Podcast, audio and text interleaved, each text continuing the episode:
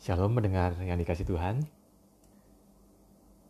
Satu kali, seorang pria mendekati gurunya dan berkata, Guru, saya putus asa dan butuh bantuan Anda. Kebahagiaan nampaknya telah menghilang dari rumah kami. Istri saya, kelima anak kami, ibu mertua, dan saya, semuanya tinggal bersama dalam satu ruang kami saling berteriak dan sampai pada titik puncaknya. Ini adalah mimpi buruk yang menjadi kenyataan. Apakah kamu berjanji untuk melakukan segala sesuatu yang kukatakan padamu? Tanya sang guru. Dan pria itu pun berjanji ia akan melakukan segala sesuatu untuk membawa sukacita kembali ke rumahnya. Bagus sekali, kata sang guru. Berapa banyak hewan yang kau punya di rumah? Kami punya seekor sapi, seekor kambing, dan enam ekor ayam. Jawab pria itu. Bawalah semua hewanmu untuk tinggal bersamamu ke dalam rumah. Dan kembalilah menemuiku setelah satu minggu, kata sang guru. Pria itu pun kembali ke rumah dan melakukan apa yang dikatakan gurunya. Seminggu setelahnya, ia kembali kepada sang guru dalam keadaan yang makin tertekan. Saya mengalami gangguan syaraf ratap pria itu.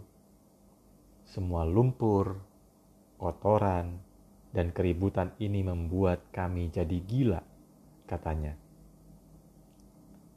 Pulanglah ke rumah dan keluarkan hewan-hewan itu dari rumah, ucap sang guru. Pria itu bergegas pulang dan melakukan perintah gurunya. Keesokan harinya ia kembali ke rumah sang guru dengan tatapan yang penuh sukacita. Hidup ini sungguh indah, katanya. Hewan-hewan itu ada di luar rumah, dan rumah menjadi seperti surga. Tenang, bersih, dan luas. Kami sungguh bahagia. Cerita ini dikutip dari cerita Hasidik sama seperti pria tadi, terkadang kebahagiaan kita lenyap karena hal-hal yang kita alami, yang kita lihat, yang kita rasakan, dan pengaruh dari lingkungan sekitar kita. Saat kita bertengkar dengan pasangan kita, saat relasi kita dengan orang tua, dengan anak tidak berjalan baik-baik saja.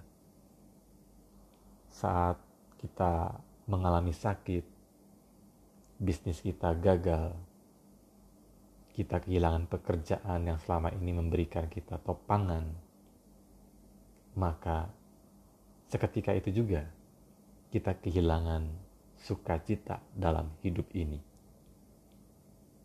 Namun, Mari kita simak apa yang dikatakan oleh Daud dalam Mazmur 32 ayat 11. Bersukacitalah dalam Tuhan dan bersorak-soraklah hai orang-orang benar.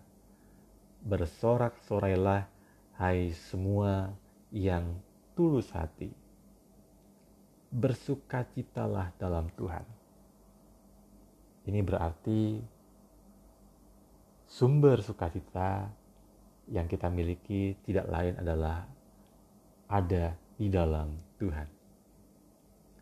Orang yang bersuka cita dalam Tuhan tidak akan kehilangan sukacita, walaupun hidup nampaknya tidak baik-baik saja. Ketika kita mengalami kegagalan, jatuh sakit, kekecewaan, atau karena perilaku orang lain yang tidak menyenangkan, maka itu semua tidak bisa menghilangkan sukacita yang ada pada Tuhan. Berbahagia atau bersukacita bukan berarti bahwa segala sesuatunya harus sempurna. Bahwa keluarga kita harus sempurna. Bahwa kita harus punya pekerjaan yang sempurna, bisnis yang sempurna, yang berhasil. Anak-anak yang pintar, yang lulus dengan hasil yang memuaskan. Tidak. Bersukacita bukan berarti segala sesuatunya harus sempurna dulu baru kita bisa bersukacita. Namun, sukacita berarti kita mau melihat lebih jauh bahwa ada Tuhan di balik segala sesuatunya. Bahwa sukacita kita adalah di dalam namanya. Bukan tergantung pada keadaan yang sedang kita alami. Amin. Kita berdoa. Yang bersyukur Tuhan untuk firman Tuhan hari ini.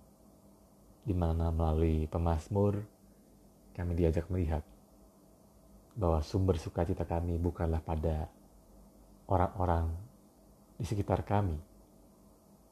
Entah itu pasangan, anak, sahabat, rekan pelayanan, rekan kerja, atau siapa pun juga tetapi sukacita kami ada di dalam Tuhan.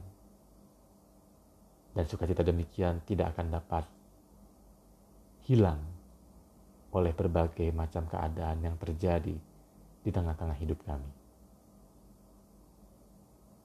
Terima kasih Tuhan, Engkaulah sumber sukacita kami. Di dalam Kristus kami berdoa. Amin.